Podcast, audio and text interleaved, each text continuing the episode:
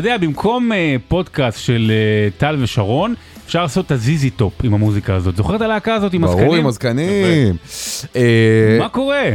בסדר, אני צריך הרבה אנרגיה היום. וואי, אני רואה שאתה... גמור, גמור, גמור. כי למה? מה? לא ישנת? למה? כי ראיתי את המשחק של הנבחרת הצעירה אתמול. עכשיו אתה מבין מה זה להיות אוהד NBA. המונדיאליטו עד אה, שתיים, מתי זה נגמר? משהו כזה? שתיים וחצי גם, אתה... אתה יודע, תוספת זמן. כן, לא, היה הרבה תוספת זמן. נכון. ואז, אז, אה, וקמתי לתוכנית בוקר, אז ישנתי איזה שלוש שעות, ואתמול ישנתי שלוש שעות. אה, והיית בהופעה של... הייתי בהופעה של אה, אביב. וזה, עכשיו היא נגמרה ב-11.40, אבל לצאת מהחנייה זה היה שעה וחצי. אז גם הלכתי לישון. בקיצור, אני נראה לי עם 6-7 שעות שינה ב-48 שעות האחרונות. בקיצור, אם אתה נוחר בסיפור היסטורי שלי, תדעו, זה לא בגלל שזה משעמם. חס לא וחלילה. רק, זאת אומרת. אה, תגביר לי קצת את האוזניות, אני רוצה לשמוע אותך. יאללה. ואת עצמי. עכשיו, אה, כן. מה קורה? תכננתי, תכננתי להפתיע אותך עם משהו. אה, חבר, לשדרג לך את האיכות חיים. את האיכות חיים. כן, כי עכשיו אנחנו נכנסים לתקופה חמה, וה... המזגן. המזגן עובד עכשיו, אבל uh, המזגן פה הוא כאילו ממוקם לא טוב מבחינת הישיבה שלך, כי זה או על הראש שלך, ואז קפוא, או שהוא כבוי וחם. כשבנו את הבית פה לא חשבו שיהיה פה בחניון אה, מזגן. כן, לא חשבו שיהיה פה- ששרון... שיהיה פה פתחו פודקאסט. בדיוק, שיהיה פה מישהו מטר תשעים ואחת שמקליט פודקאסט. בדיוק. אז uh, קניתי משהו באלי אקספרס, וואלה. וזה עוד לא הגיע. עוד לא הגיע. היה אמור להגיע, אבל נראה, אולי... אה, שבוע הבא אין פרק? ר- עוד אין פרק, אבל בוא נשאיר את זה לסוף, נספר בסוף סבבה, למה. בסדר. אז מה, במה... מה שלומך? ב- בסדר. מה אתה. מגולח ככה? מה, היה לך בר מצווה? לא עוד פעם, ה- הנה, זוכר, סיפרתי לך פעם קודם גם היה לי בעיה במכונת גילוח. עכשיו לא הייתה לי בעיה, עשיתי את המספר הנכון. אבל אתה מכיר את זה שאתה מנקה מהמכונת גילוח, אתה מוריד את השיער, נו. אז אה, ניקיטה ואף לך המסרק? לא, אף ולא, יש גלגלת. כן. וכנראה באחד הדפיקות הגלגלת זזה. אז אני עושה בצד שמאל, ואז אני אומר, רגע, זה יותר... זה יותר קצר מזה. קריר לי פתאום בלחי. אז ואז הייתי צריך הכל עוד פעם לעשות באחת וחצי, אז אני נראה כמו תינוק פה, אבל לא נורא. פרק מספר 12, כן. אה, מה אתה רוצה לדבר היום? טוב, קודם כל נדבר על המונדיאליטו והמשחק של אתמול מול. אוזבקיסטן. אה, אם כבר נשארת ער לישון. ברור, ונדבר על... נדבר על, אה, על אצילי.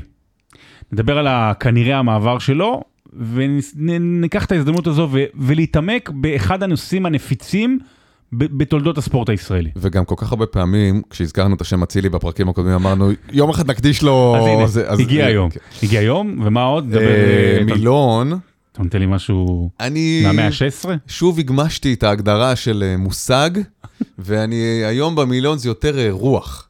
רוח, אוקיי? כן. אוקיי, אוקיי, רוח כן, המפקד. נדבר על גמר ה-NBA שהולך להיות החל ממחר, משהו מאוד מאוד מעניין. אם יספיק הזמן, אני נותן לך סיפור סינדרלה מענף שאנחנו פחות מתעסקים בו, וגם סיפור היסטורי, אבל הפעם משהו פחות אה, שמח.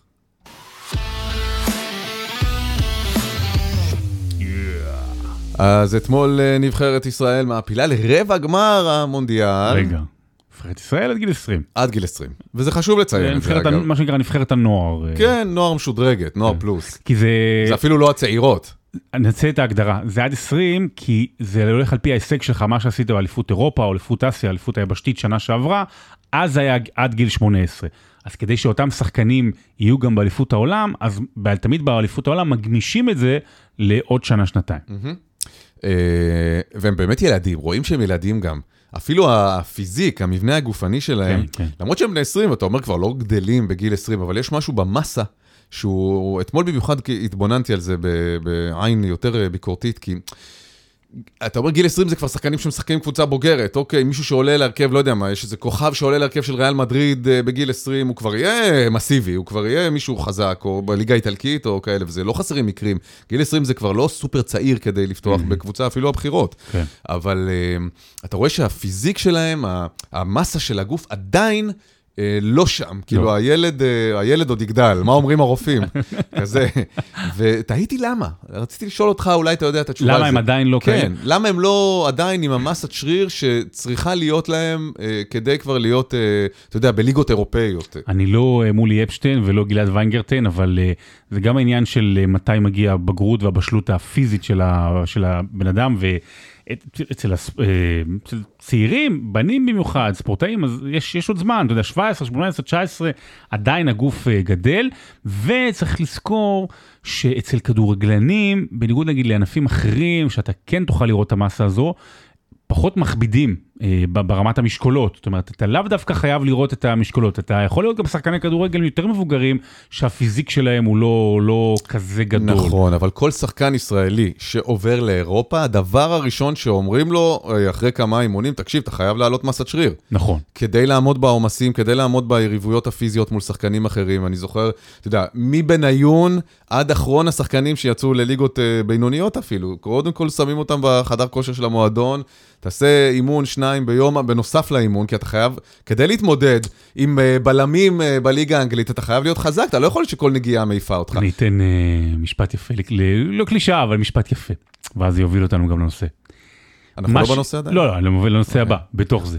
מה שאין להם בפיזיות, הם משלימים בלב. או, שמע, באמת, זה, זה, תראה, אתה יודע מה, אני, אני אתחיל מהפרופורציות, זה בסדר? זה בסדר שאני טיפה אוריד? אוקיי. כי באמת, חגיגה גדולה. כאילו ל- ל- להכניס את זה לפרופורציות, אגב, זה- זה- זה יותר לגיטימי לשמוח בפרופורציות הנכונות מאשר האופוריה המשתוללת. ואני גם חייב לומר שדרך אגב, אין איזו יציאה יותר מדי דרמטית עם פרופורציות, אולי בגלל השעות, אולי...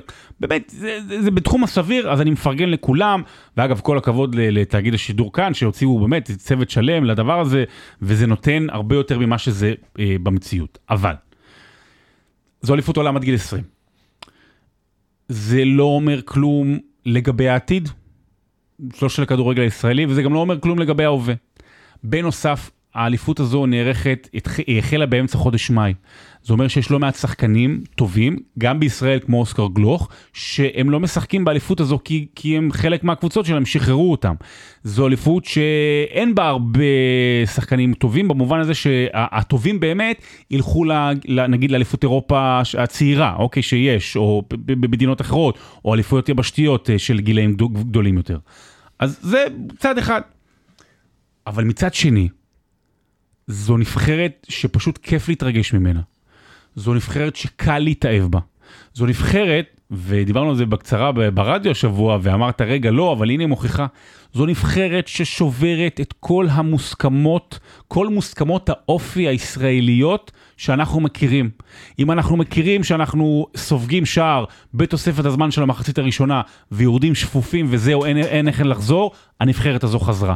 ואם אנחנו מכירים את הסטיגמה שאומרת שאנחנו אלה שנספוג שער בתוספת הזמן, לא, זה הפוך, פעמיים, פעמיים אתה מנצח במשחקי נוקאוט, נוקאוט לעלייה לשמינית גמר, נוקאוט לעלייה לרבע גמר, אתה מנצח.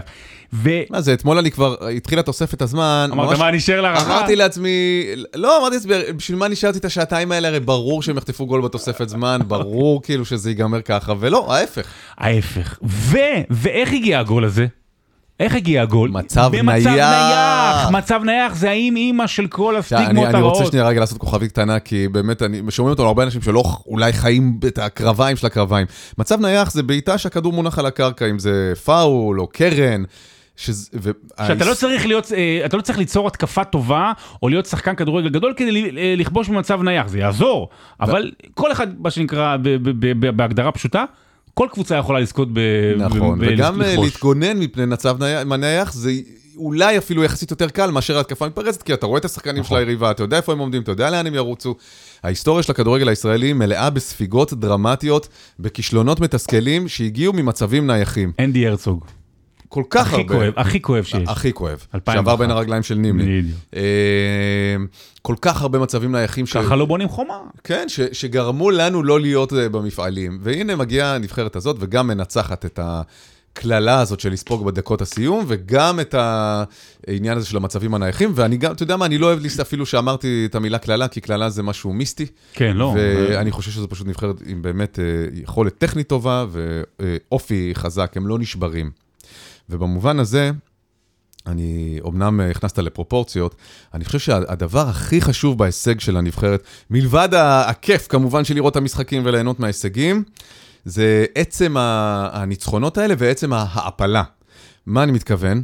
אה, הם מראים שזה אפשרי. מנטלית, בראש, הם כאילו עשו לנו עכשיו חיווט חדש בראש. אתה יודע, המוח, כשהוא נתקל בדברים חדשים, הוא לומד את המצב, והוא פעם הבאה שהוא יצטרך להגיע אליו, הוא כבר יודע באיזה טריטוריה הוא חי. הנבחרת הזאת מלמדת אותנו שנבחרת ישראלית יכולה להתמודד בשלבים הגבוהים ביותר אה, של הזירה העולמית. כשהיא תגיע. קצת כמו בריצה, נגיד שאתה uh, מתחיל לרוץ, ואתה רץ uh, חמישה קילומטר פעם ראשונה, אתה גאה בעצמך מאוד, אבל אז אתה רואה את כל אלה שרצים uh, שבעה או שמונה או עשרה קילומטר, פעם ראשונה שאתה רץ עשרה קילומטר, אתה אומר וואו, ואז אתה נגיד מפסיק אפילו לשנה, אוקיי? כשתחזור, יהיה לך הרבה יותר קל לרוץ את העשרה קילומטר הראשונים, mm-hmm. אפילו מההתחלה, כי הדבר הזה במוח שלך כבר הוא נפתח. וואלה. הנתיב הזה נפתח כבר, זה עניין מנטלי לחלוטין.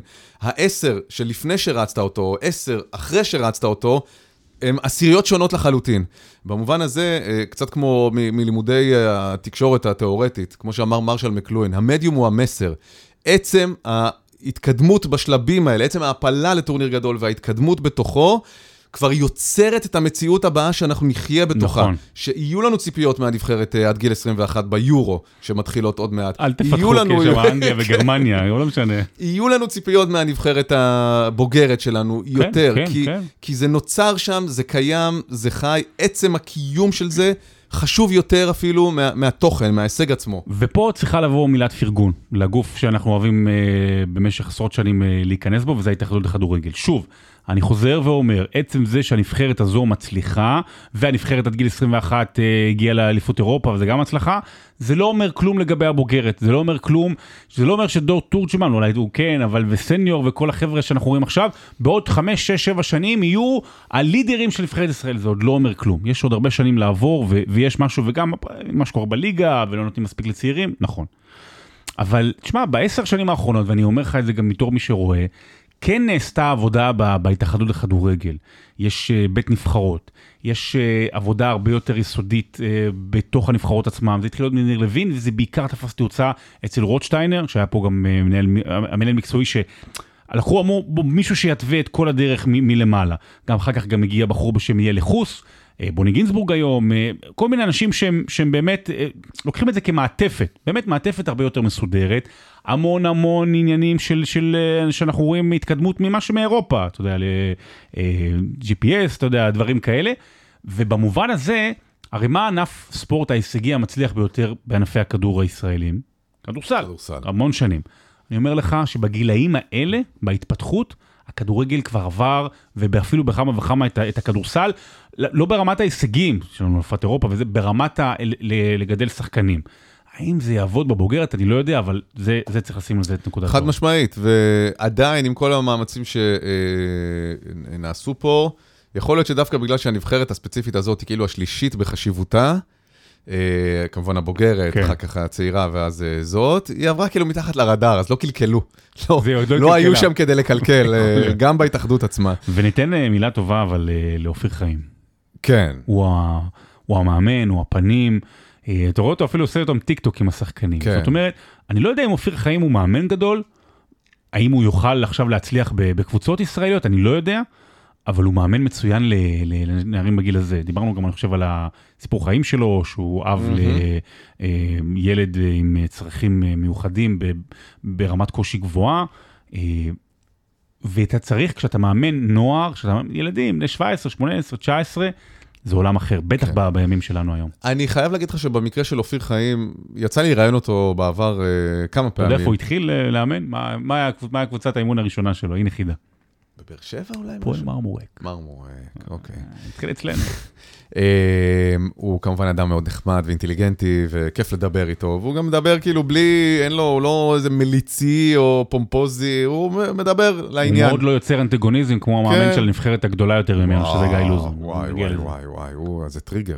נגיע לזה. טריגר, אני כן. ממש, אה, זה באמת כל מה שאני לא אוהב בכדורגל הישראלי mm. מגולם שם. כן. אמ, אבל אופיר חיים הוא, הוא חמוד, הוא אחלה. אני אגיד לך מה, במובן הזה, אה, שנכון, כל הזמן מדברים על הסיפור האישי שלו, והוא כן. כאילו גם משתף, והלב, האמונה וזה, באיזשהו מובן אני חושב אפילו שזה עושה לו עוול. Mm-hmm.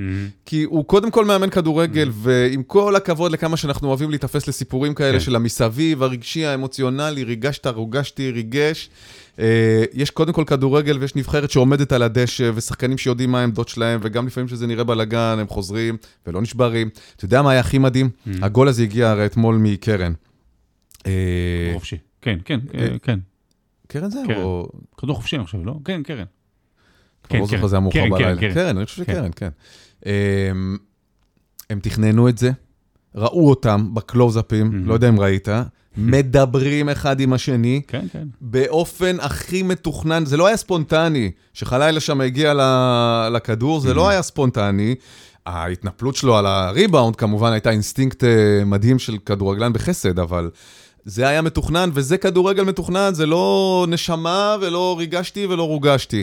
זה, ואני מבקש לזכור שקודם כל משחקים כדורגל על הדשא, לפני כל איתך. הסיפורים האישיים.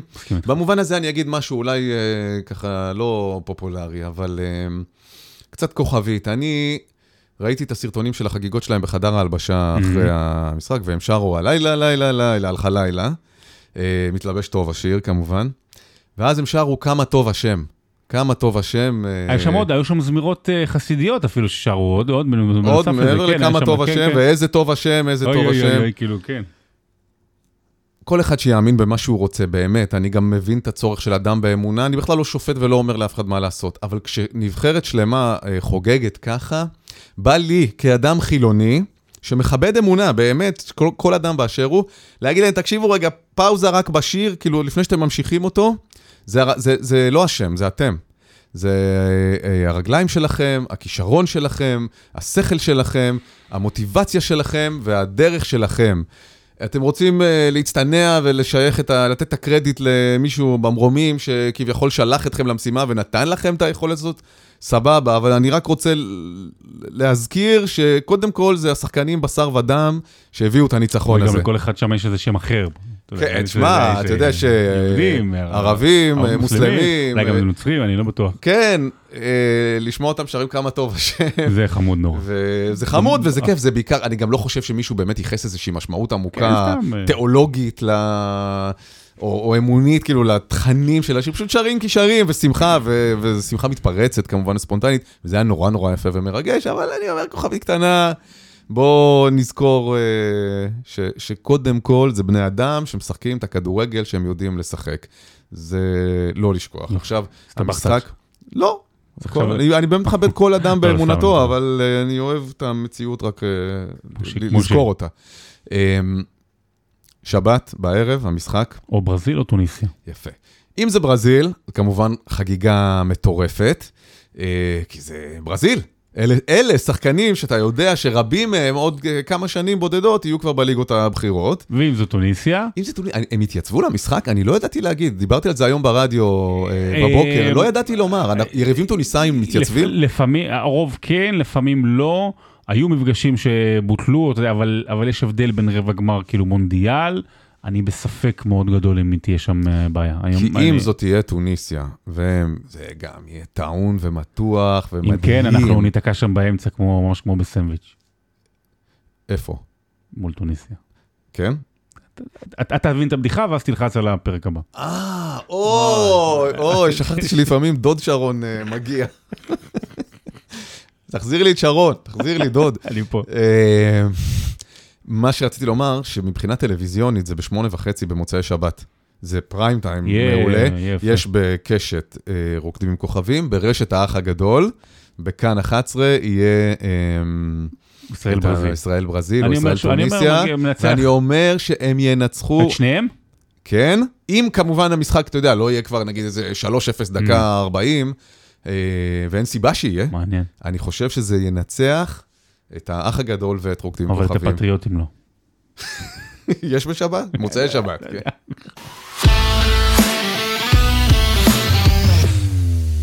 טוב, הנה הגענו. זהו, אחרי, אחרי הפרק, אחרי הנושא הבא אפשר לסגור את הפוד. כן.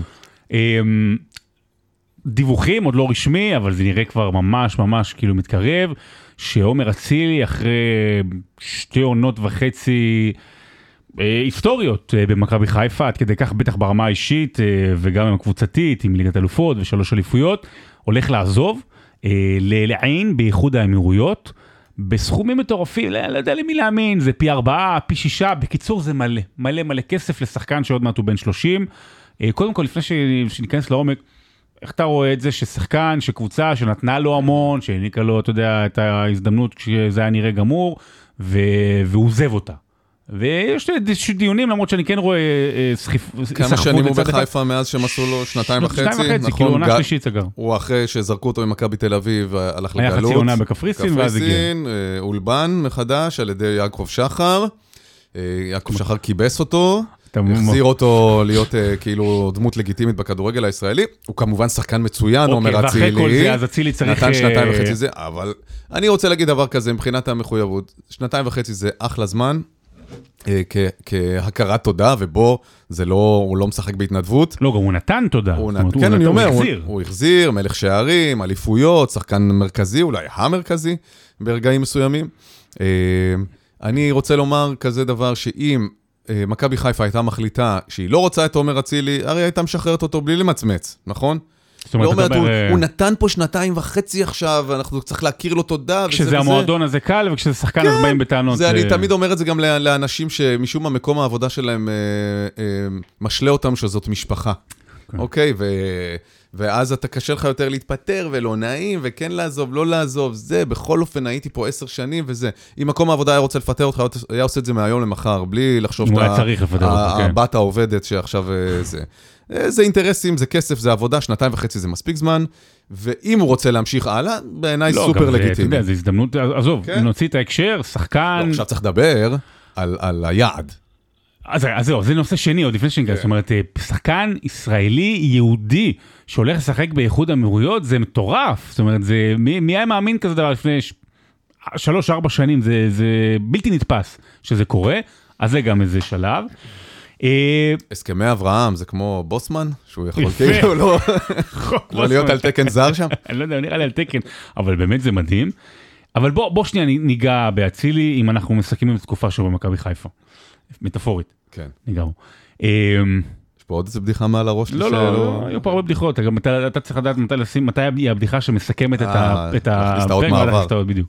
תקשיב, אמ, הנושא של עומר אצילי ודור מיכה, אבל זה הפך להיות אה, עומר אצילי בגלל התהודה, אני חושב שזה הנושא הכי נפיץ בכדורגל הישראלי מאז נערות הליווי. אה, וזה הגיע למקומות, אתה יודע מה, ואני אני שמח שאנחנו פה עכשיו פותחים את זה במניחותא אני מקווה וברוגע, ואני רוצה מראש להגיד, אנא קחו את הדקות הקרובות, שנייה, ו- ו- ותצאו מה- מה- מהדעות המוקדמות שלכם ומהכל, ובואו תנהלו איתנו דיון בתקווה אינטליגנטי. ולמה אני אומר את זה? כי הנושא של אצילי הפך להיות כל כך נפיץ עדיין, שאתה לא יכול להגיד כלום בנושא אצילי. וה... והפרשה, בלי לצאת לפה או לשם. זאת אומרת, הפ- הפרשה הזאת, ההתעסקות, לא מאפשרת לנו להבין שהחיים הם לא שחור ולבן. שיש הרבה מורכבויות, שיש אפור ויש אפור כהה ויש ורוד ויש, ו- ויש כחול בהיר, ויש המון המון צדדים וצ... ולא כל מי שאומר א', אז הוא אוקיי, הוא עכשיו אה, אה, נגד, אה, אה, אתה יודע, הוא בעד אצילי והוא בעד מה שקרה והוא מלבין אותו והכל זה כביסה והכל, ומצד שני, לא אה, הבנתם את הצדדים. אז זה מה שחשוב לי לומר, ואני אומר לך, בפן האישי, כן. היה לי קשה מאוד לדבר על זה.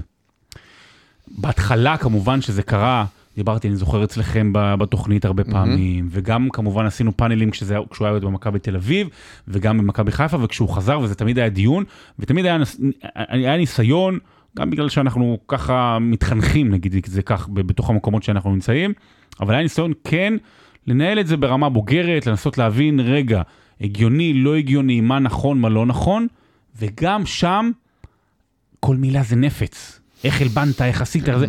ובמובן הזה אני, אני שמח שאפשר אולי פה יהיה לפתוח את זה יותר. תראה, אני את הפרשה הזאת מכיר היטב. אה, לא, 13, אלמוג בוקר. כן, כן, היטב. גם אה, היו לי הרבה מאוד שיחות עם אלמוג בוקר, אה, לא בשידור, וגם ממקורות אחרים. ראיתי דברים ותמונות והתכתבויות, אני מכיר היטב את החומר, חומרי החקירה, מה שנקרא פה בפרשה וואלה. הזאת. אה, כשזה התפוצץ, קודם כל, נתחיל מהסוף, אוקיי? וזה בעצם מגדיר הרי של כל ההתייחסות. התיק נגד אה, אצילי ומיכה נסגר מחוסר אשמה. לא מחוסר ראיות, מחוסר אשמה, וזה דבר אה, חשוב. כשהם. היו עם הבחורות האלה, הילדות האלה, לא רוצה להגיד בחורות, ילדות האלה, הם באמת לא אה, חשבו שהן אה, קטינות. אה, או מתחת לגיל ההסכמה, אני לא זוכר בדיוק את הפרטים 16, האלה. כן.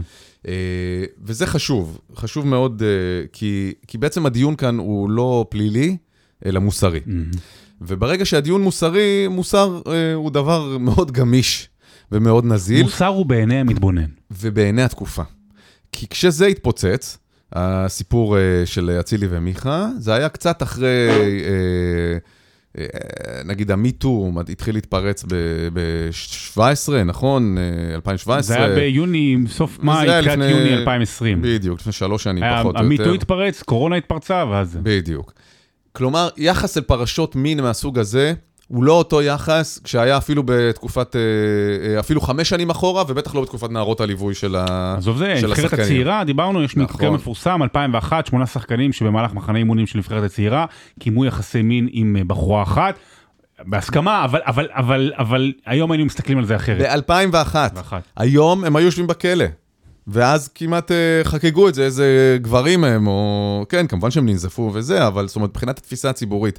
המעשה שאצילי ומיכה עשו, גם זה לא, הוא, הוא, הוא מכוער מאוד מוסרית. אה, אי אפשר להסתכל על זה אחרת. ודאי שאחד מהם נשוי, ודאי שנחשפו התכתובות ביניהם. זהו, זה מה שה... והיחס, ורפרורים לסמים, והמון המון המון דברים שזה רחוק שנות אור ממה שאתה מצפה מכדורגלן מקצוען. מבן אדם, מבן אדם, עזוב, אני אומר, לא, לא, אני לא מצפה מכדורגלנים כלום. מכדורגלן מקצוען, שהוא דמות אה, ציבורית, זה כן חשוב, זה לא אדם רגיל, בטח מאדם, מגבר, מאבא, מבן זוג של מישהי, אתה, זה רחוק, זה באמת אה, מכוער להפליא. עכשיו, הם כן ידעו שהן צעירות, הם כן ידעו זה, והדיבור שם, אני אביא, זה כאילו מאוד אה, היה... העברת סחורה, זה היה מאוד כן, מאוד זה, על... זה, זה מחפצן, ו- וזה גרוע מאוד מאוד מאוד.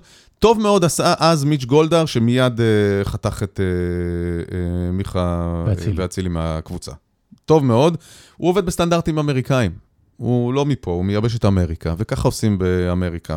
כמובן שעכשיו, שאחרי שהתבררה החקירה, ו, אה, ו, והם אה, יצאו אה, זכאים, או לא, אש... נסגר התיק מחוסר אשמה, זה מבט אחר על, ה, על הנושא.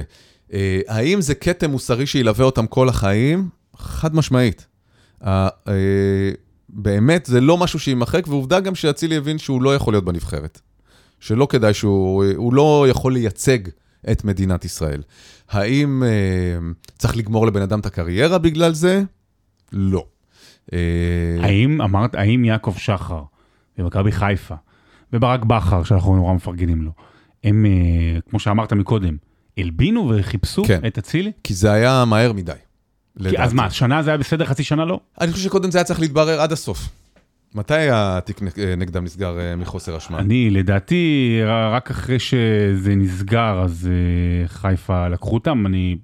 בוא נבדוק את זה, אבל אני, אני אגיד לך משהו, איך, איך אני רואה את העניין. בספטמבר 20 התיק נסגר מחוסר אשמה. אז זה כבר, הוא היה, הם היו בקפריסין, ואחרי כן. זה, זאת אומרת, אוקיי. אני, עדיין השאלה אם מישהו שעשה דברים כאלה, אתה כבעלים, רוצה שהוא, אתה יודע, יהיה בקבוצה שלך, ילדים קונים חולצות שלו, ילדות קונות חולצות בוא, שלו. או, יפה שאתה כן. אומר את זה, אני, אני אגיד לך משהו, משהו כזה. אני מביא, יש פה בעייתיות, ונורא נוח מהמקום שלנו לבוא ולהגיד, אה, אנחנו לא היינו לוקחים את אצילי, כי זה נכון. יכול מאוד להיות שאנחנו, אם היינו, אם היה לנו, אם היה לנו אה, רשת של פודקאסטים, והייתה לנו חברה, אז יכול להיות שלא הייתי רוצה לעבוד עם מישהו כמו אצילי, ואגב, ואני רוצה להגיד עוד משהו על אצילי, בלי קשר לזה, אני לא מכיר אותו, לא פגשתי אותו אף פעם בחיים, אני לא מחבב את הבן אדם. הוא שר אה, נגד אה, מכבי חיפה כשהוא היה במכבי תל אביב, ואז אחרי זה עבר אליהם, ואז, ואז מיד אחרי זה הוא שר נגד מכבי תל אביב, וכל העניין של ההתנצלות, וכל מיני, וגם היריקה הזו בפרצוף שהיה בפורים האחרון, נכון, שהוא כאילו התחפש לאסיר. כל מיני דברים כאלה שמראים לך לא על אה, חוכמה יותר מדי גדולה, וגורמים לי כאוהד ספורט, וואלה, אני לא מחבב אותו עוד בלי קשר לפרשה. כן. שם את זה בצד. ושחקן מעולה, כן? שחקן מדהים, מה שהוא עושה של השלוש האחרונים האחרונות, הם היסטוריות. אני אגיד כזה דבר, שאנחנו לא יכולים, אה, אנחנו, אנחנו לא מעל החוק. ואם החוק אמר לנו, זאת אומרת, אנחנו, אנחנו צריכים לשאול את עצמנו, אוקיי, האם בן אדם שנותן את הדין, האם הוא יכול לחזור לחברה? והאם אדם, אדם שלא צריך לתת את הדין, אנחנו יכולים לשפוט אותו. מגר... מועדון כדורגל זה ביזנס. עם כל הכבוד לדיבורים של האדם לפני השחקן ודברים כאלה, וגם uh, more than a club ו- וברצלונה וליברפול, הכל טוב ויפה, בסוף, בסוף זה ביזנס, וזה ביזנס של הרבה מאוד כסף. והייתה פה הזדמנות עסקית למכבי חיפה לקחת את אחד מאנשי העסקים הבכירים במשק, מה שנקרא, וההימור הזה הצליח להם. לקחת אותו גם בטיימינג טוב, זאת אומרת שמכבי, הרי, הרי גם יש היצע היצע וביקוש. מכבי תל אביב לא הייתה לוקחת אותו. לכמה עוד קבוצות יש כסף אה, בשביל אצילי? אה, באר שבע... היא רצ... אחרי זה לקחה את בקיץ את מיכה. כן. עכשיו, העניין הוא כזה, אה, אני חושב שהוא כן אה, שיחק ב... היה צריך... זה בסדר שלקחו אותו במכבי חיפה, זה בסדר שהוא זכה איתם באליפויות, אפשר לפרגן לו על איך שהוא משחק. אני לא חושב שברק בכר הלבין אותו, אני לא חושב שזה... אפרופו העניין של שחור ולבן, אני לא חושב שברק בכר למשל, או בעצם זה שהוא בחר בו, אז הנה, הוא ניקה ממנו את האשמה והפן המוסרי, כי גם אם אנחנו חושבים שכן, זה לא באמת קרה, כי זה לא נוקה, הוא עדיין תופסים אותו, ובצדק, עם כתם, וטוב מאוד. אבל, ברח לי החוט במחשבה, אבל, אה, אני כן שמח שהוא פרש מהנבחרת. לא, אוקיי. לא בפן אז האישי זה של מי בסדר שמייצג אותי. וזה לא בסדר, אני אתה מבין, זה שמח, אותו לא, דבר. לא, אני חושב ש- אם הוא היה ממשיך זה בסדר, אבל לא אני לא- נעים לי כאוהד שכל הזמן, כאילו מה זה כן. לא נעים? ההתעסקות בזה, הבוז, מה שקורה עם ארגון אנשים ובצדק, אבל אני אומר, וואלה, טוב שהוא פרש. כן. טוב שהוא פרש, עשה בחוכמה, זה פחות או יותר הדבר היחיד החכם שהוא עשה לאורך כל הפרשה הזאת, וחד משמעית אה, ינקלה שחר הלבין אותו, וברק בכר הלבין אותו. האם זה לא בסדר באופן מוחלט שהם לקחו אותו? לא, אבל האם זה אה, בסדר שהם לקחו אותו? גם כן, זה כן ולא, כמו שאתה אמרת, זה מורכב. זאת אומרת, הבחירה בלהביא את אצי- אצילי היא אכן הייתה עסקה משתלמת ומצוינת, מקצועית מאוד מבחינתם.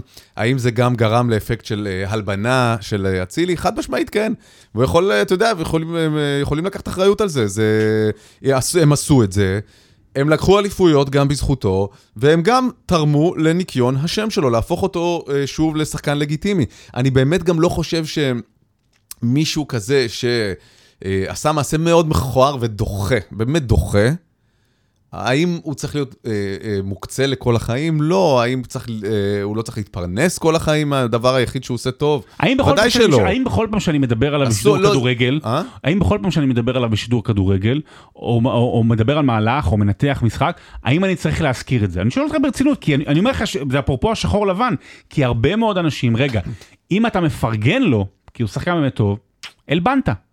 תשמע, אני... זה הקיצוניות לא, שיש. אני, אבל בסדר, אני לא חושב שצריך להתנהל ככה. אני חושב שאתה יודע, אם אתה מחזיק איזושהי מורכבות, אז אתה מחזיק אותה, אתה לא יכול להיות אחראי על כל מה ש...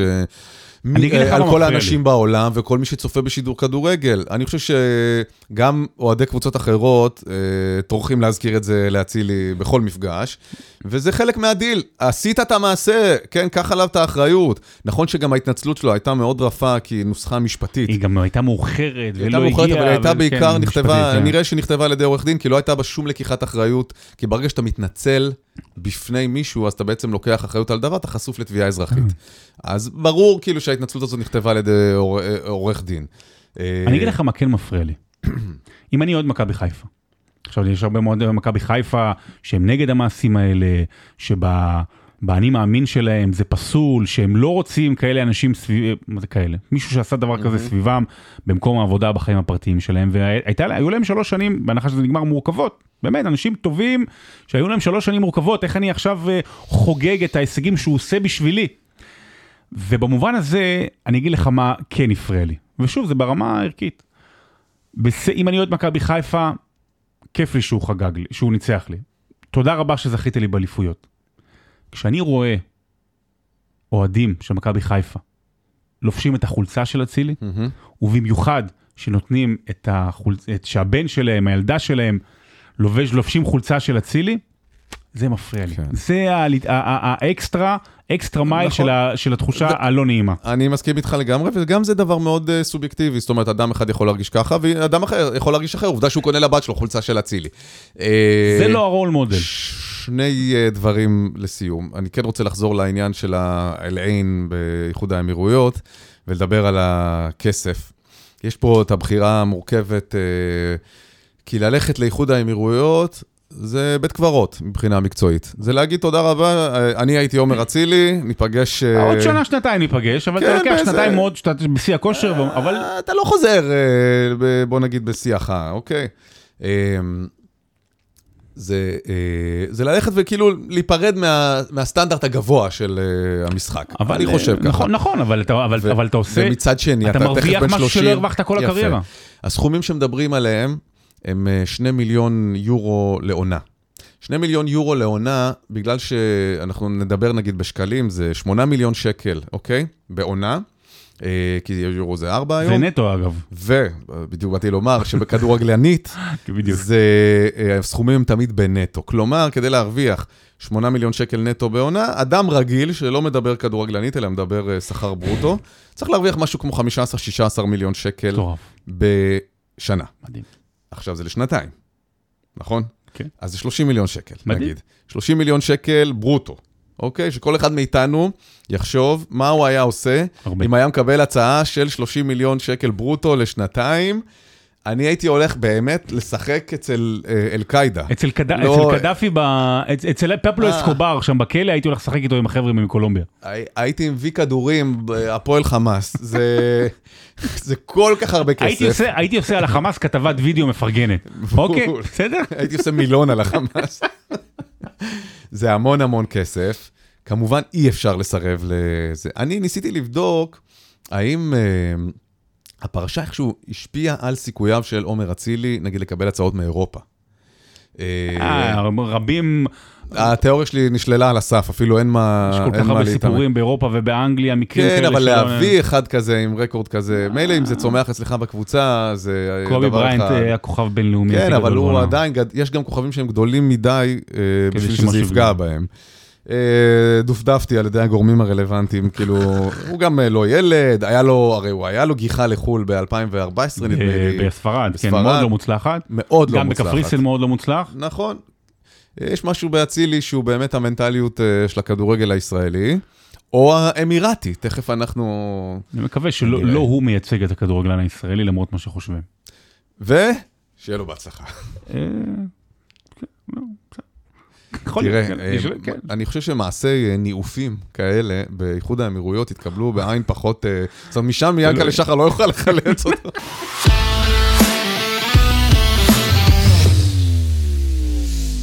טוב. אנחנו צריכים לעשות אות למילון שלך. כן? משהו כזה של אה, בריטניקה, אבן שושן. אה, אני, אוקיי, אולי זה קצת יומרני, אבל... אה, אין לי ספק שזה יומרני. תשמע, היום כל המילון- הפוד הזה יומרני. ממש. אנחנו... המילון היום הוא לא בדיוק מושג, אני אפילו לא יודע איך אה, אה, להגדיר את זה, אבל יש, אה, אה, הרי זה סוף העונה בליגה האנגלית, והרבה קבוצות אה, עלו. אה, קבוצות חדשות שחזרו, לוטון, סיפור אה, מדהים. אה, שפילד וונסדיי לליגה השנייה, לצ'מפיונשיפ. כן. ואני, כשהתחלתי לעבוד על המילון השבוע הזה, אמרתי, וואלה, אני אעשה בדיקה, למה הסיומות של הקבוצות באנגליה הן כאלה? יונייטד, אה, אה, שם. כן, אה. יש את העיר. כאילו למה יונייטד, למה כן, סיטי, למה כן. אה, ליברפול אפסי, אוקיי. אפילו ארסנל, למה ארסנל? ארסנל זה מחסן נשק, זה נשקייה, ארסנל זה נשקייה. אז גם מה- באנגלית? כן, זה בא משם. או יש אה, Town. זה או Town, או City, או איפסוויץ' יונייטד. Town, לוטון טאון, יש כן. המון המון המון אה, סיומות. אז התחלתי, אני... הת- הת- התחלתי את זה והפסקתי, כי נתקלתי בסיפור של מנצ'סטר יונייטד, ו- ויותר בא לי עליו, אבל אני Mm. מבטיח לעשות גם את השמות האלה, כי זה כן ולקראת אה, אה, גמר מעניין. הגביע הקרוב. שחבר שלך בפוד הולך לשדר. אתה תשדר את סיטי כן, יונייטד? מה, אז מה, אתה? אז זהו, הנה, תסתכל אפילו בכותרת פה בדף, סיטי יונייטד. גמר גביע, יום חמש שבת. בערב, חמש. אה, הם, הם רק החימום להצגה שהיא שרון דוידוביץ' שמשדר את, ה, את הזה. אז אמרתי, אוקיי, יותר אה, אה, בא לי, ככה דגדג לי, וזה בעצם על איך נולדת מסורת של כדורגל, Mhm. אוקיי? זה, בגלל זה אמרתי, זה מושג אולי מופשט קצת. כי אנגליה באמת זה מקור הכדורגל, והמועדונים שם כמעט כולם התחילו בכלל במאה ה-19. מהמם. אה, ואז אמרתי, סיטי יונייטד, בואו רגע נדבר על מנצ'סטר. יש שם שני מועדונים כאלה בעיר אחת, זה דבר מדהים. אבל, אז אמרתי, אני אבדוק קצת את אה, מנצ'סטר. תראה, כמה מועדונים יש בעיר מנצ'סטר? אני מניח של המון. אז ככה, יש לך את סיטי ויונייטד בליגה הבכירה, בפרמייר ליג. יש לך בליגה השנייה את ויגן, בליגה השלישית את בולטון, בליגה הרביעית את רוצ'דייל וסלפורד סיטי. סלפורד, אתה יודע מי זה סלפורד? סלפורד זה הבעלים, זה ה Class of 92 של, של מנצ'סטר יונייטד. זאת אומרת, הם קנו אותם, גרי נוויל, גם דויד בקאם שם. דניס, כל החבר'ה האלה, אז הם הבעלים של סלפורד. לא ידעתי. זה מהשכונה ששם המחנים, אה, אה, ומעכשיו אני שותק, יאללה. אה, יש לך עוד בליגה הרביעית את סטוקפורט קאונטי. סך הכל בשב, בליג, בארבע הליגות המקצוע, המקצוע, המקצועניות באנגליה יש שבעה מועדונים ממנצ'סטר. זה... עכשיו, בארבע הליגות שמתחת יש עוד 12 מועדונים. בשתי הליגות שמתחת לארבע הליגות האלה יש עוד 18 מועדונים. ובליגות החובבים יש עוד 41 מועדונים. סך הכל בעיר מנצ'סטר יש 78 מועדוני כדורגל פעילים בליגות, לא חבר'ה בספורטק, כן? מועדונים, מטורף. משחקים, זה מטורף. אבל אנחנו נתמקד במנצ'סטר יונייטד. איך נולדת מסורת של כדורגל, ואחת הקבוצות הגדולות בעולם ובהיסטוריה של, אה, של הכדורגל בכלל. אז מנצ'סטר יונייטד נוסדה ב-1878. בהתחלה בכלל לא קראו לה ככה, קראו לה Newton Heath LYR Football Club. מה זה LYR? LYR זה Lancashire and Yorkshire Railway. כי זאת בעצם הייתה קבוצה של מחלקת העגלות והקרונות של חברת הרכבות של לנקשיר ויורקשיר. אה, הם בהתחלה שיחקו נגד מחלקות אחרות בחברת הרכבות ונגד חברות רכבת אחרות. ספורטיאדה. כן, אה, הליגה בדיוק במקומות עבודה. אה, כי באותה תקופה, סוף המאה ה-19, בכלל כל המאה ה-19, הרכבות היו אחת התעשיות הכי חשובות אה, בבריטניה. באמצע המאה ה-19 הייתה תקופה של כמה עשורים שנקראת ה-Railway Mania. Railway זה רכבת כמובן. מסילה. Uh, היו שנים מסוימות, כי הם סללו ופיתחו, וזה בעצם היה אמצעי תחבורה לפני שהיו מכוניות.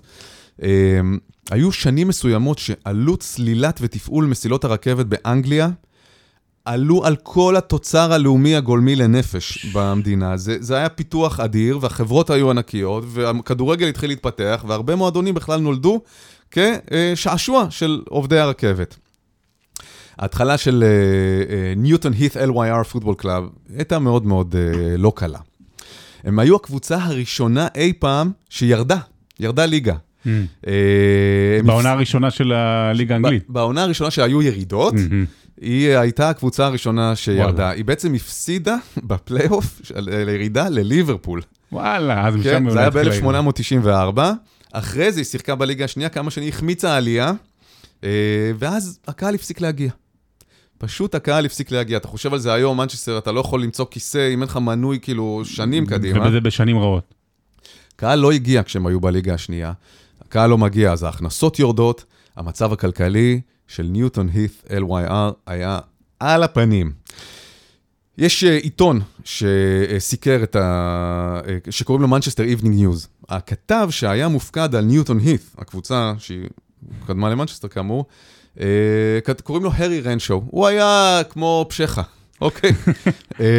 רנצ'ו. כן, הוא כתב ששכר הדירה של המטה של המועדון היה uh, שישה שילינג לשבוע, וגם בזה הם לא היו יכולים לעמוד. אז כדי לחזק את, ה, את הצד החברתי ולגבש שוב גרעין של אוהדים, הם שכרו איזשהו חלל שבו אוהדים ושחקנים היו נפגשים ומשחקים ביליארד. תחשוב היום, כן, פעילות כזאת של שחקנים uh, ומועדונים, אבל המ- המיזם הזה נכשל. ואפילו בישיבת הנהלה, שהם ניסו לראות מה עושים כדי לשפר את המצב הכלכלי, לא היה להם אור. אז הם שמו, כי חברת הגז ניתקה את האספקה, כי לא היה כסף לשלם את החשבון, חברת הגז אפילו תבעה את המועדון, אז הם תקעו שלושה נרות בתוך בקבוקי בירה, ושם התחילו לחשוב מה, איך, איך מחלצים את המועדון. השחקנים בכלל לא ידעו כמה תהיה המשכורת שלהם. Uh, המנהלים היו סופרים את הכסף בקופה, בסוף המשחק, ומורידים את העלויות השוטפות ותשלומים וחובות, ואז משחק... משלמים לשחקנים מהכסף שנשאר. מהמם. אם בכלל היה נשאר. הם ניסו לעשות המון המון דברים כדי למנוע פשיטת רגל. אה, דברים מוזרים, למשל הם פרסמו שבמשחקי הבית של הקבוצה תופיע ה-Black Lane Canary, הכנרית. אה, עכשיו, לא הייתה להם כנרית, אז הם הביאו אווז.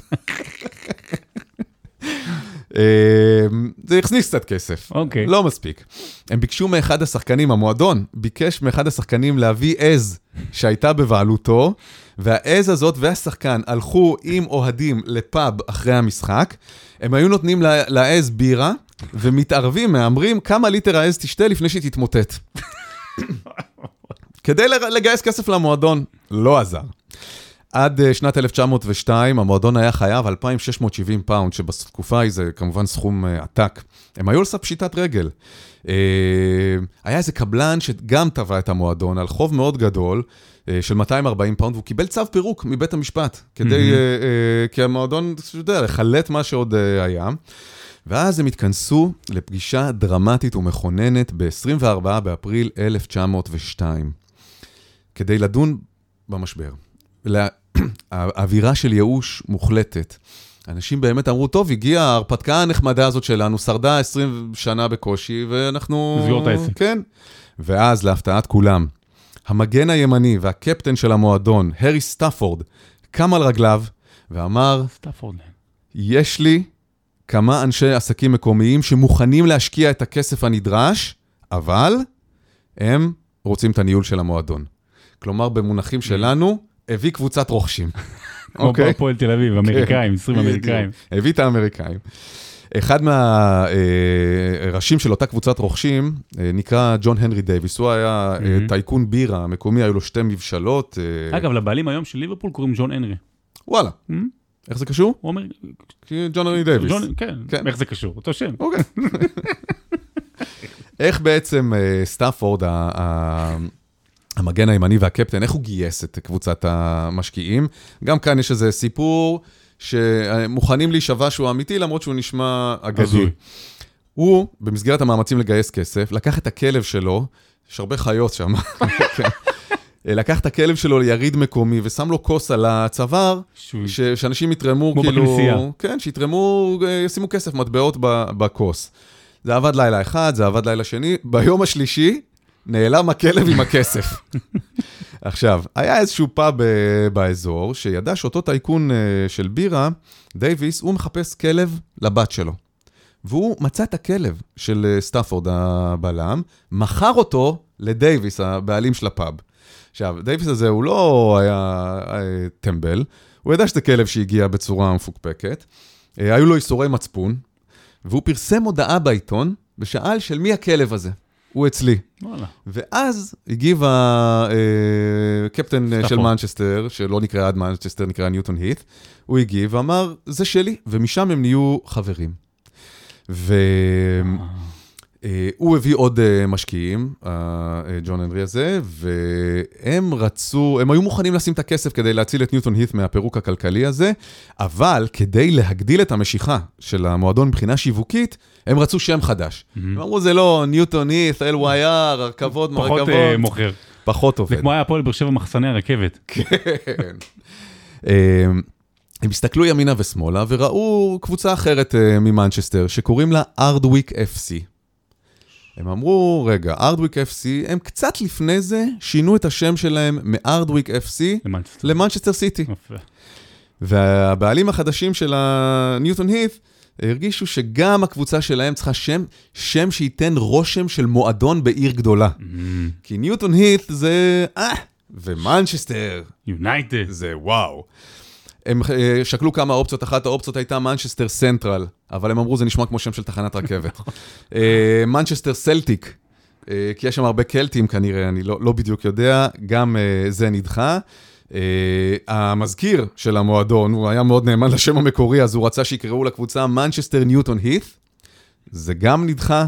ויש ריב על הקרדיט, מי הציע את השם הזה, אבל ככל הנראה, אה, ראש אותה ישיבה, ג'יימס בראון קראו לו, לא משנה, הוא, הוא זה שהציע את השם מנצ'סטר יונייטד, והשם הזה התקבל, וזה העניק למועדון אה, חיים חדשים, ואחרי שנים של להיות או לח- לחדול, הקבוצה הזאת יצאה לדרך חדשה עם השם החדש, וחמש שנים אחרי זה כבר זכתה באליפות. זה הסיפור, ככה נולדה מנצ'סטר יונייטד. ככה נולד השם. השם. עכשיו אני אפתיע אותך עם משהו. אה, מנצ'סטר יונייטד היא בכלל לא ממנצ'סטר. מנצ'סטר זאת עיר מאוד גדולה, ויש לה הרבה אה, מחוזות, ערים קטנות שמרכיבות את מנצ'סטר רבתי, אוקיי? אז יונייטד היא בכלל לא ממנצ'סטר, היא מטראפורד. ולכן גם המגרש של יונייטד נקרא אולד טראפורד, כי הוא ממוקם בחלק הישן של טראפורד. זה בעצם טראפורד העתיקה, כמו שיש ירושלים העתיקה. אה, אז, אז אה, האיצטדיון של מנצ'סטר יונייטד הוא באולד טראפורד, מנצ'סטר היא קבוצה מטראפורד יונייטד. אה, סיטי אגב, היא קבוצה ממנצ'סטר אה, העיר עצמה, גופה, לב העיר. אה, ולכן היא גם נקראת מנצ'סטר סיטי, סיטי. כי זה העיר. עכשיו, אה, למעשה דרבי אמיתי עבור מנצ'סטר יונייטד, זה לא לשחק נגד מנצ'סטר סיטי, כי כאמור יונייטד היא בכלל מטראפורד. זה לשחק נגד אלטרינצ'האם מהליגה החמישית, שהיא הקבוצה הבכירה הבאה מטראפורד. הממ. אה, עכשיו, אה, אה, יש כאן משהו עוד יותר מבלבל, כי מנצ'סטר סיטי, שהיא כאמור מלב העיר מנצ'סטר, דרבי אמיתי עבורה זה לשחק נגד קבוצה מהליגה השביעית, שהיא הקבוצה הבכירה הבאה מ- מלב העיר מנצ'סטר, והיא נקראת FC United of Manchester. והיא בליגה השביעית כאמור. אז לא להתבלבל, זה לא מנצ'סטר יונייטד, זה United FC United of Manchester, וזה דרבי אמיתי עבור מנצ'סטר סיטי. עכשיו רק... אה, כל זה אני הולך לספר ביום שבת לפני השידור, איך, ככה, אני בפרי גיים. אשתף אותך בדוקס. אבל לסיום אני רק חייב אה, לסגור את המעגל עם ההתחלה, עוד רק אה, בונבון קטן לסיום, למה קוראים לשפילד וונסדיי וונסדיי? כי הם אה, הוקמו ביום שני. לא. כי אה, בעצם קודם הייתה קבוצת קריקט, ואז נוסדה קבוצת כדורגל של שפילד, אותו מועדון, אוקיי? היום שבו הם היו עושים הפסקה מהקריקט, היה יום רביעי, ואז שחקני הקריקט היו הולכים לשחק כדורגל. ולכן. שפילד, וונסדיי. אתה רואה, אני, אני חולה כדורגל אנגלי, ואף פעם לא אמרתי לעצמי, טוב, אני אבדוק מאיפה הגיע באמת השם, אני, כי אני אוהב מאוד את הסיפורים האלה, תמיד יש שם איזה, איזה ניחוח כזה של אה, במקרה, ואיך זה, ואיך זה הפך להיות משהו גדול. מי היה מאמין שהשם הזה שאמרו יאללה בוא נעשה, וזה הפך להיות מה שזה, אז יפה. אה, גמר ה-NBA. יאה. Yeah. בין חמישי לשישי, אה, שלוש, שלוש לפנות בוקר, הולך להתחיל גמר ה-NBA. זה אחד הגמרים הכי שונים, אולי מוזרים, הכי מיוחדים שהיו באמת בשנים האחרונות וכמעט בכלל. מצד אחד, דנבר, נגטס, שמעולם לא הייתה במעמד הזה, ויש לה שחקן מיוחד כמו שלא ראו, ניקולה יוקיץ', ענק, גבוה, אבל uh, יש לו את כל סט היכולות שאתה יכול לחשוב ממישהו גבוה וממישהו נמוך, והוא גאון כדורסל, ופתאום אנשים מתחילים להכיר אותו ולהפנים מי הוא, אבל לא קבוצה של כוכבים יותר מדי, בטח לא בסדר גודל שאנחנו מכירים. ומנגד, מיאמי היט, שניצחה אתמול לפנות בוקר במשחק מספר 7 בסדרת גמר המזרח את בוסטון, והיא הקבוצה השנייה אי פעם בהיסטוריה שממקום שמיני, יש פלייאוף שמיני ראשון, שביעי שני, שהיא מגיעה לגמר, לא קרה מעולם, כמובן לא קרה מעולם שגם קבוצה מה, מהדירוג הזה, שביעי או שמיני, בכלל זכתה באליפות. גם קבוצה שיש לה מנהיג אחד, ג'ימי באטלר, שהוא אחד גם שנבחר במקום מאוד מאוד נמוך בדראפט, ובכלל אף אחד לא שם לב אליו בהתחלה, וזרקו אותו מפה ומשם, ואמרו שהוא בעייתי. הוא מוביל קבוצה של nobodies, אתה יודע, יותר מזה אני אתן לך. הרי יש דראפט, דראפט זה, יש 30, 60 שחקנים שבוחרים בהם, והם, אה, הקבוצ... יש להם חוזה בתוך קבוצה, לא לכולם מובטח, ויש ציפייה, פוטנציאל מהם. במשחק מספר 7, שיחקו במיאמי שבעה שחקנים, היה רוטציה קצרה, חמישה מהם לא נבחרו בדראפט. זה מדהים, מטורף, זה נתון זה, מדהים. זה מטורף. עכשיו תראה, הגמר הזה, הוא לא טוב לליגה. הוא גמר בלי רייטינג, מה זה בלי? הרבה פחות. הוא בלי לברון, ובלי בלי סטף קרי, ובלי כן. בוסטון סלטיקס, ובלי יאניס, ובלי אה, לייקרס, אתה יודע, שמות גדולים שגורמים אה, להדיוטות. כוכבים אה, קוראים לזה, זה כן. גמר בלי כוכבים. זהו גמר שהוא לא טוב ל-NBA, אבל זהו גמר שהוא טוב לכדורסל. כי באמת, רמת האינטליגנציה שם, בטח אצל שחקן כמו יוקיץ', היא גבוהה. רמת הסיפורים שם היא נהדרת, יש לך שם כל אחד, איך לא האמינו בו. יוקיץ', ניקולה יוקיץ' זה שחקן שנבחר במקום ה-41 בדראפט, וזה היה כל כך לא מעניין שבזמן הבחירה שלו בדראפט, כשהיה את השידור הטלוויזיוני, Mhm. הייתה פרסומת לטאקו. די. ג'ימי באטלר נבחר מקום 30 אם אני לא טועה, בעונה הראשונה שלו עשה ממוצע של שתי נקודות למשחק. זאת אומרת, דני אבדיה הרבה יותר ממנו, סתם דוגמה. ותראה מה, לאן הוא צמח. ובמובן הזה, זה, זה, זו סדרה למי שאוהב כדורסל, לא למי שאוהב NBA. אני מאוד מאוד מסכים איתך, ואני אני ברשותך אה, אה, רוצה לקפוץ אחורה, מהמם. אוקיי? לשנת 96. אני טיילתי בארצות הברית, אה, לא יודע, איזה חצי שנה כזה טיול אחרי צבא, והלכתי פעם ראשונה בשיקגו למשחק בייסבול, של שיקגו קאבס. שמה מייקל אז היה שם? לא, הוא כבר חזר, לא, הוא כבר חזר, אבל לפני זה הוא שיחק אבל בקאפס. כן, כן, לא, לא, לא עם ג'ורדן. Uh, הייתי uh, במשחק שם, פעם ראשונה שהלכתי למשחק בייסבול, וזה דבר uh, ארוך, משחק בייסבול, כן? עכשיו, אני יושב בקהל, ואתה יודע, מה אני מכיר? Uh, הכרתי כדורגל, ישראלי, נתניה, הפועל קריית אונו, יש בלאגן, משחקים. עכשיו, אתה יושב, וישב לידי אדם, הייתי עם חבר, וישב לידינו מישהו, והוא, אני רואה אותו יושב ממלא בטופס uh, משבצות כל הזמן. זה שנת 96. אמרתי לו, הוא היה אדם נחמד, התחלנו לדבר כזה, בכל זאת, יושב שם, לא יודע מה, שלוש-ארבע שעות, והרבה לא קורה. כן, בואו, בייסבול זה... זה לא, זה- אנחנו זה הרבה נפס- לא קורה. נעשה אייטם האם זה ספורט או לא. צריך לגדול עם זה כדי לאהוב את זה, אני חושב, אה, בתור ילד, כאילו. צריך להיות בתרבות שלך. ואמרתי לו, "מה- מה אתה כותב שם? אז הוא אומר לי, אני ממלא את הסטטיסטיקה.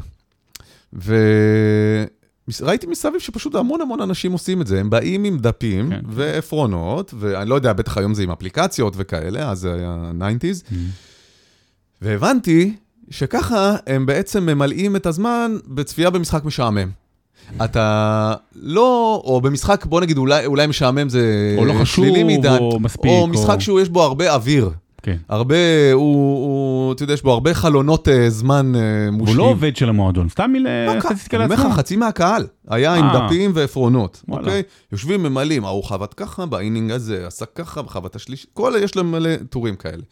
זה היה נראה לי כל כך מוזר, כי מבחינתנו ספורט זאת חוויה אמוציונלית סוערת. אתה מדמיין אותי, או אתה, לא אוהד קבוצה ספציפית, אבל דמיין אוהדי כדורגל, הולכים לדרבי, לא יודע מה, גמר גביע, ביתר נתניה, יושב עם הטופס, תרים זה, אוקיי, עכשיו... אה, בוא מתחיל זה קרן, אה, נגע פה, נגע שם. זה לא עובד ככה, אנחנו באים כאילו לחוות חוויה רגשית. אצל האמריקאים זה לא ככה, זה, זה באמת לא ככה. למה כל ההקדמה הארוכה הזאת? ככה אני מרגיש קצת לגבי מה שקרה ב-NBA בשנים האחרונות. ה-NBA, מבחינתי, אתה חובב NBA הארדקור, אוקיי? אני חושב שהגמר הזה בדיוק מייצג את מה שקרה למשחק. הוא נהיה משחק בגדול, אני עושה הכללות כמובן, כן? לחובבי המשחק הארדקור. גם כי הכוכבים עצמם הם קצת פחות אה, זוהרים, וגם כי היכולת האתלטית כל כך השתפרה, ש, אה, ויש כל כך הרבה משחקים גם, שבחלקים רבים של העונה, זה לא מעניין. מהמם. ו- ואפילו בחלקים, מתי משחק אה, NBA באמת נהיה מעניין? בפלייאוף. אה, וברבע שלישי, רביעי, כאילו, זה. הרי, הרי אה, רבע ראשון ושני ברוב, רוב, רוב, רוב המשחקים, זה סתם מופע אקרובטיקה כזה, ההוא מצביע ככה, ההוא מצביע ככה, נכון? זה, אין רגש, זה לא, אם אתה לא באמת חי, אני מדבר לא על מי שבאמת באמת חי. ואתה יודע, אני שומע אה, עוד אה, תוכניות אה, ספורט ופודקאסטים של ספורט, גם, גם על NBA וזה. הרבה פעמים אני מרגיש שבכלל דברים עוברים לי מעל הראש, כאילו כל הצלילה הזאת עמוק, למספרים, למספרים, ו- וזה, וזה, ו- וכל מיני נתונים, וההוא ככה וככה, ו game save, זה. אבל כן, אני ואז מדבר על החוזים שלהם. וזה עושה לי פלשבק לאותו אדם שישב לידי במשחק בייסבול, שהבנתי שהוא מתעסק במספרים, כי המשחק עצמו לא מספיק מע- מרגש. Mhm. אוקיי, אני לא אקרא לזה מעניין, מרגש. וכך גם מרגיש לי מה שקורה היום סביב תרבות ה-NBA. כל ה over סטטיסטיקה, כל המספרים, כל הניתוחים האלה המתמטיים כביכול, זה קצת כדי לפצות על זה שהרגש נעלם מהמשחק.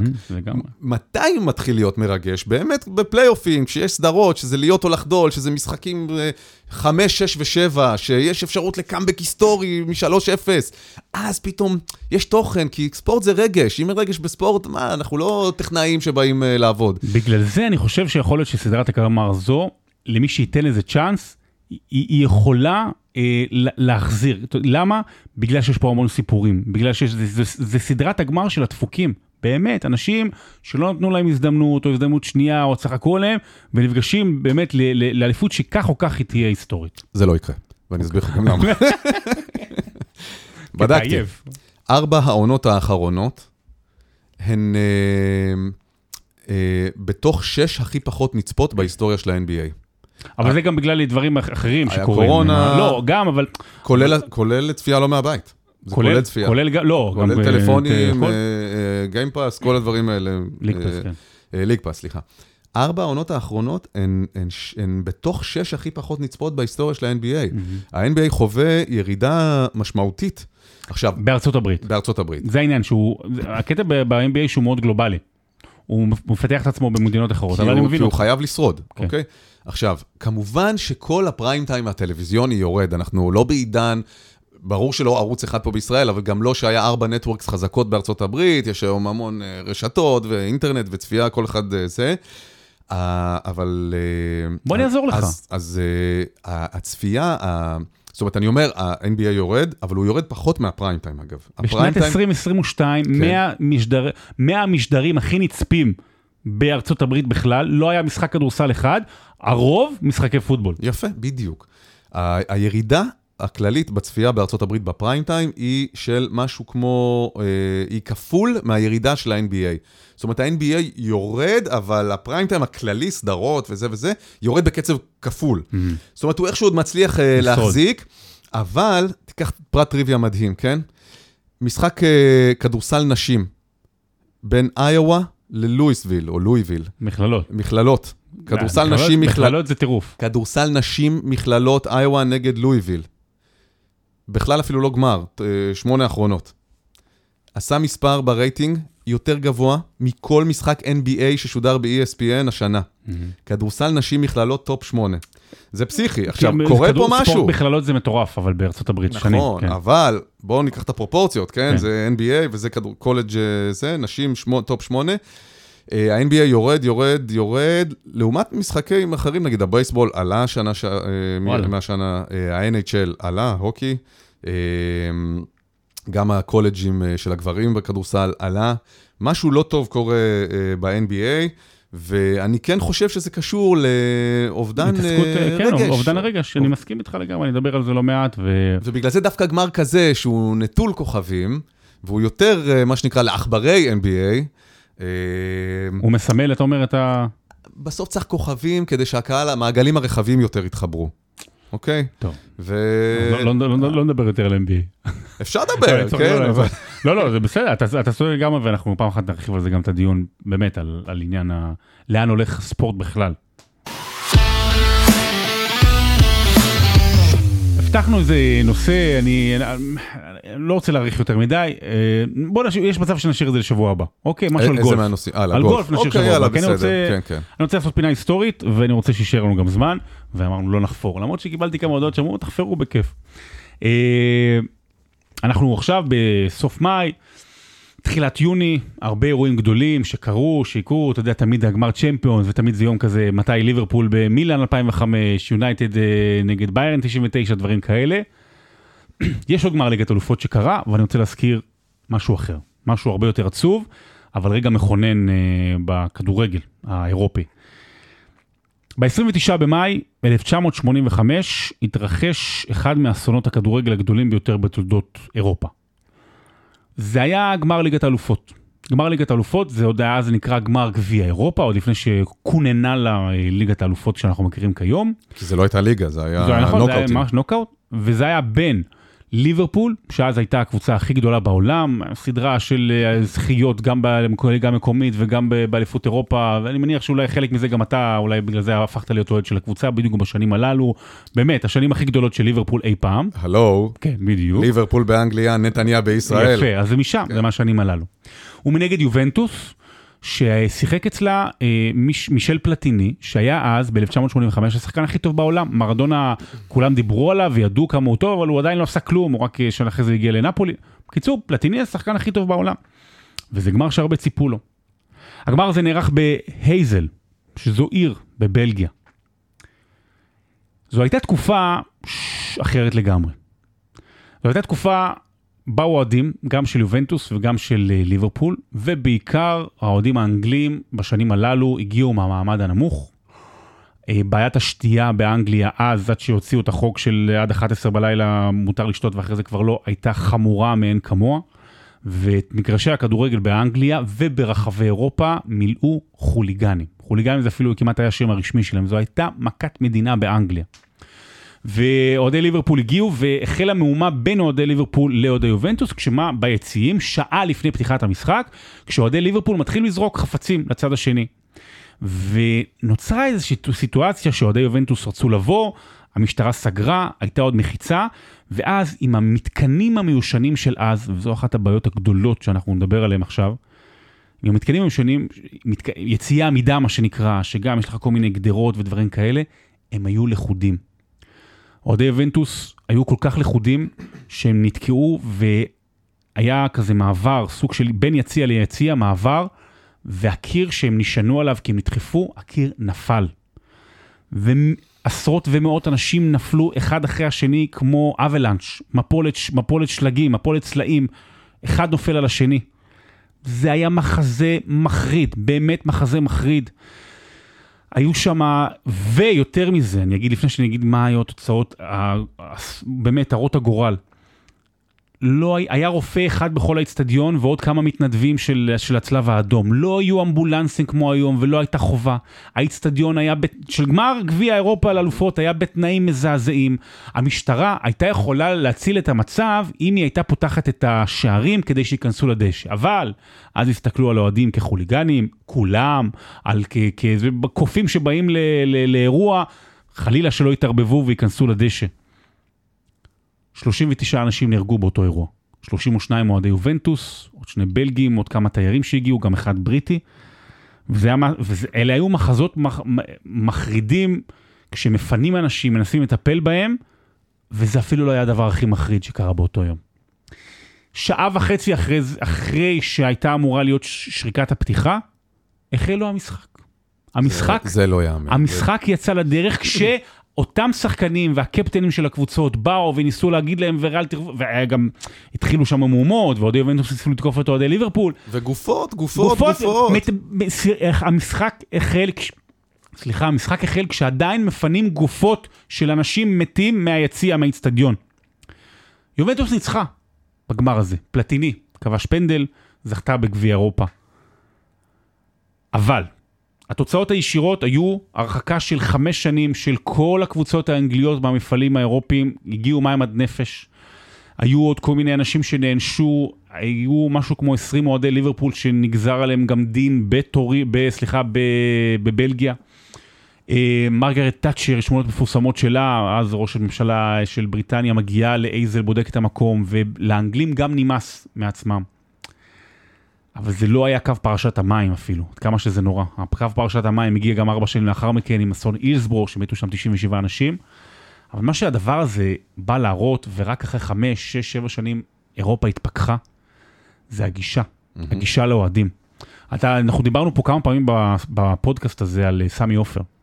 ועל איך פתאום יש כל פעם 30 אלף איש ואנשים רוצים לבוא וזה יותר ממה שהיה פעם, ו- ולמה? הכדורגל עולה פחות טוב. היחס לדבר הזה שנקרא כדורגל ולאוהדי כדורגל, הוא היה מזעזע. אתה יודע, אמרו, טוב, לא משנה אם האיצטדיון נראה ככה או ככה, נשים גדרות, המשטרה, העיקר שהם לא יגיעו לאוהדים, המשטרה תתנהג אליהם באלימות. אה, מה שנקרא יחס גורר יחס, וכשאתה מציב לעצמך תפאורה ואיצטדיון או במה שהיא ככה נראית, אתה מזמן אליך את אותם חוליגנים, את אותם אנשים בחברה שרוצים לפרוק כל עול. ורק אחרי כמה שנים הורידו גדרות, והאצטדיונים שופרו והשתדרגו, וקמה לה הפרימר ליג, ולמזלנו אנחנו כבר ממש ממש לא שם, אבל אה, השבוע, לפני 38 שנה, קרה אירוע מחריד ששינה הרבה דברים בהמשך לטובה. כן, אתה יודע, יש את uh, תיאוריית החלונות השבורים, שאומרת שמתי נהיה פשע באיזשהו מקום? אה, ברגע שאתה, נגיד, מזניח תיקון של חלון אחד, mm.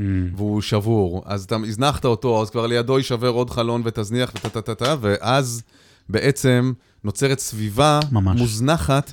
שמייצרת בסופו של דבר את הפשע. זאת אומרת שאם היית מונע את זה מראש בתחזוקה, לא היה נגרם גם uh, הפשע שמגיע בעקבות אותו חלון שבור אחד. לא.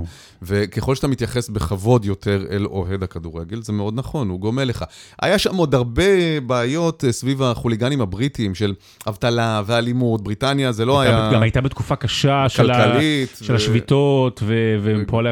הייתה תקופה... תאצ'ר, גברת הברזל, כן, זה כן, לא היה קשה, עשור אה, כן. נחמד מאוד להיות אה, אנגלי בו. הם באמת, אה, גם כל אירופה אה, הוקיעה אותם ממש. על האלימות הזאת. במובן הזה, אבל בגלל, אני, אני מסתכל בזכות שני האסונות האלה, גם הייזל וגם הילסבורו, בעצם אה, אני חושב שמהרגע המכונן שבו הומצאה הפקת הכדורגל המודרני. לגמרי. לא המשחק, המשחק על הדשא לא השתנה, אבל היחס, המסביב, המתקנים, זה שזה מוצר אנטרטיימנט ולא מלחמת עולם, ההפקה מסביב השתנתה לחלוטין בעקבות המחיר הזה בקורבנות אדם. בספר שכתבנו, אה, אסף כהן ואני, שנקרא אגדות דשא, אה, קראנו, אנחנו בעצם עשינו, חילקנו דור, דור אגדות הדשא, שהתחלנו אותו, התחלנו ב-1994, הכדורגל המודרני, מה שנקרא. ובאמת, אסון אילסבורו, שהוא הוא, באמת, הוא אה, הקשר ישיר לאסון אייזל, אה, זה סוף העידן הקודם, העתיק, הישן, שבאמת הכל השתנה מאז. טוב?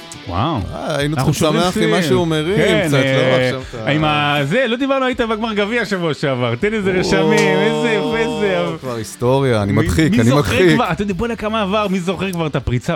אבל היה אווירה. הייתה אווירה מטורפת, והקהל של ביתר היה מדהים עד הפריצה לדשא. אגב, גם שם, עזוב את הפריצה עוד לפני, גם הרגיש לי חלילה. אסונות, נכנסו שם אה, הרבה אנשים. לא דיברנו על זה בהקלטה? אה, לא, דיברנו על לא, זה. זה לפני. אני, אז אתה יודע מה אגיד? הייתי בעשרות, אם לא מאות משחקי כדורגל. אה, זה היה המשחק שהרגשתי בו הכי פחות בטוח וואלה. בישראל. כן. לא היה סדרן אחד ביציע. אגב, אני, היה לי כרטיס, כאילו לא... כרטיס מאחורי הקרן בלמעלה, לא ישבתי במקום שלי. כי מישהו היה שם. מישהו היה שם, אף אחד לא היה כדי להזיז. נהיה כאילו בלאגן מההתחלה. ישבתי על המדרגות, כמו בימים של הקופסה. נשבע לך, וזה סמי עופר. אה, אנשים הגיעו בלי כרטיסים, זה היה הפקה מחפירה. וואו. באמת הפקה מחפירה. ואתה יודע, אם, מיש, אם משהו היה קורה, ומישהו היה צריך לפנות מישהו או לרוץ בבהלה, המדרגות היו כאילו מלאים באנשים. כן, לא היה... אני שמח שסיימנו במשהו אה, אופטימי. כן! היו צריכים לבטל את המשחק הזה מההתחלה. כן, לא, לתת לכם את הגביע. כן. האמת שיש דיון בבית דין נראה לי. לא, אם זה לא יקרה, ואם גם מישהו באמת יחשוב להעביר את הגביע לנתניה, נתניה, אני מאוד רוצה לקוות שתסרב לקבל אותו. טוב, יאללה, ברמן, סיימנו. תודה רבה. אה, תודה, שבוע שרון. הבא אין פרק, אני נוסע ליוון, אתם אה. מוזמנים גם. אה, קצת עשר שנות נישואים, גם מותר לנו. אה, nice. יפה. ואחרי זה נשוב כמו גדולים. אז אה, להתראות, ביי. תהנה. תודה רבה.